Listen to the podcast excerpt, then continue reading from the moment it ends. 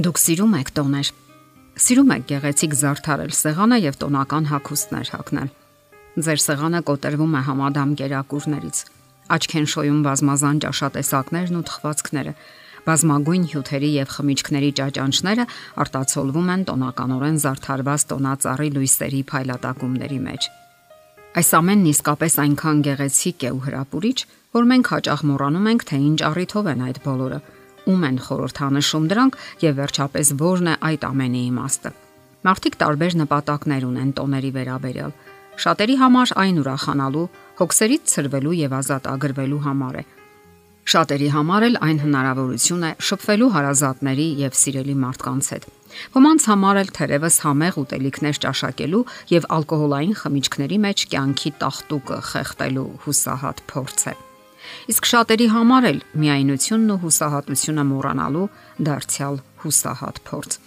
Եվ բոլոր դեպքերում արժե իմաստավորել այդ տոները եւ նրանց հոգեվոր իմաստ հաղորդել։ Պողոս Արաքյալը գրում է. Եթե իմ ամեն ապրանքները աղքատներին ուտեսնեմ եւ իմ մարմինը մատնեմ, որ այրվի, բայց սեր չունենամ, ես ոչինչ օգուտ չեմ ունենա։ Աստվածաշնչյան այս փոքրիկ հատվածը ուղված Կորինթոսի եկեղեցուն իրավամբ կարելի է համարել սիրո օրհներկ։ Շատերն են կարդացել ու հիացել եւ սակայն անհամեմատ ավելի քչերն են կյանքի կոչել այն իրենց կենսաձևում։ Մեր օրյատոները դրա վառ վկայությունն են։ Եթե ես գեղեցիկ ու պերճ զարդարում եմ իմ տունը տոնածառի ճյուղերով եւ գունագեղ լամպերով, սակայն չեմ հասկացել Հիսուսի ծննդյան մահվան եւ համբարձման իմաստը, ես ընդհանրապես լավ օրակ դիզայներ եմ Եթե ես ամբողջ օրը խոհանոցում այս ու այն կողմ եմ բազվզում, տոլմա եւ հավի բդիկներ կամ կիլոգրամներով թխվածքներ պատրաստում, հյուրեր հravirում, որ նրանք հիանան իմ սեղանով եւ համադամ կերակուրներ վայելեն, ապա ես ընդամենը լավ օրակ խոհարար եմ։ Չէ որ հասցրել եմ մոռանալ Հիսուսի ծննդյան մասին եւ իմ սիրտը չի ցնծում նրա ներկայության բերկրանքից։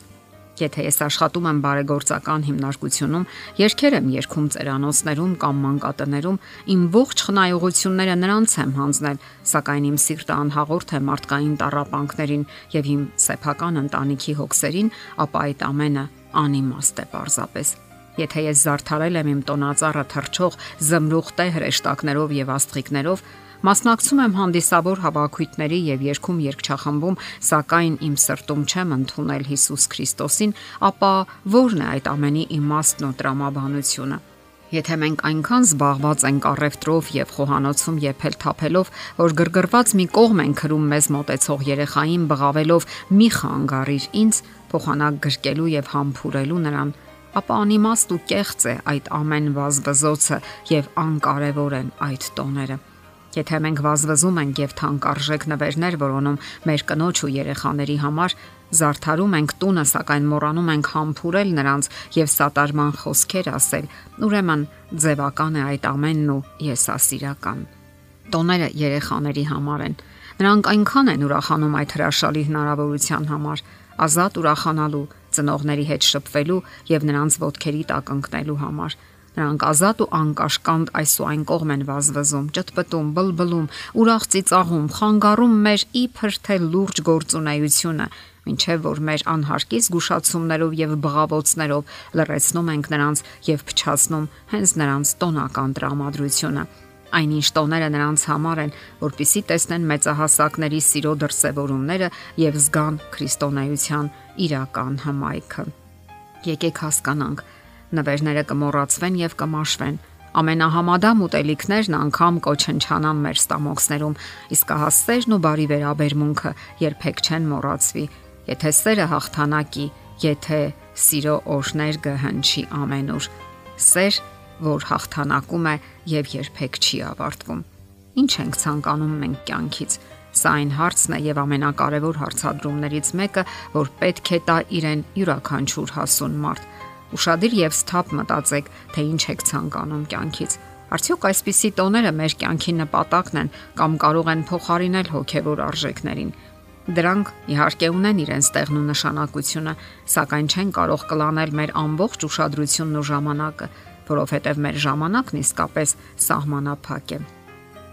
Միևնույն ժամանակ հաշվի առեք, որ որոշ բաներ կարող են չհամապատասխանել մեր ցանկություններին ու պահանջմունքներին Մեզ հաճախ պարտադրում են այս կամ այն արժեքը կամ գաղափարախոսությունը, եւ մենք դառնում ենք կարծրատիպերի գերին։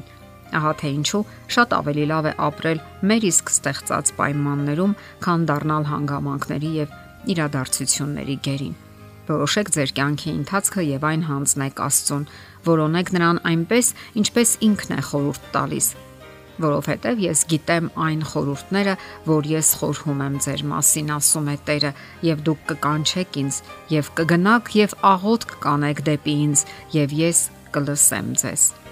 Ամեն անգամ, երբ գալիս է այս տոնը, իրավիճակն ու իրադարձությունը հարցրեք ձեզ. ո՞րն է այս ամենի կարևոր նպատակը։ Որքանով է Աստված ներկա այս ամենի մեջ եւ այնպես արեք, որ Աստված իսկապես լինի ամենապատվավոր հյուրը յուրաքանչյուր տոնի կամ միջոցառման ժամանակ։ Եթերում ղողանջ հավերժության հաղորդաշարներ։ Ձեզ հետ է Գեղեցիկ Մարտիրոսյանը։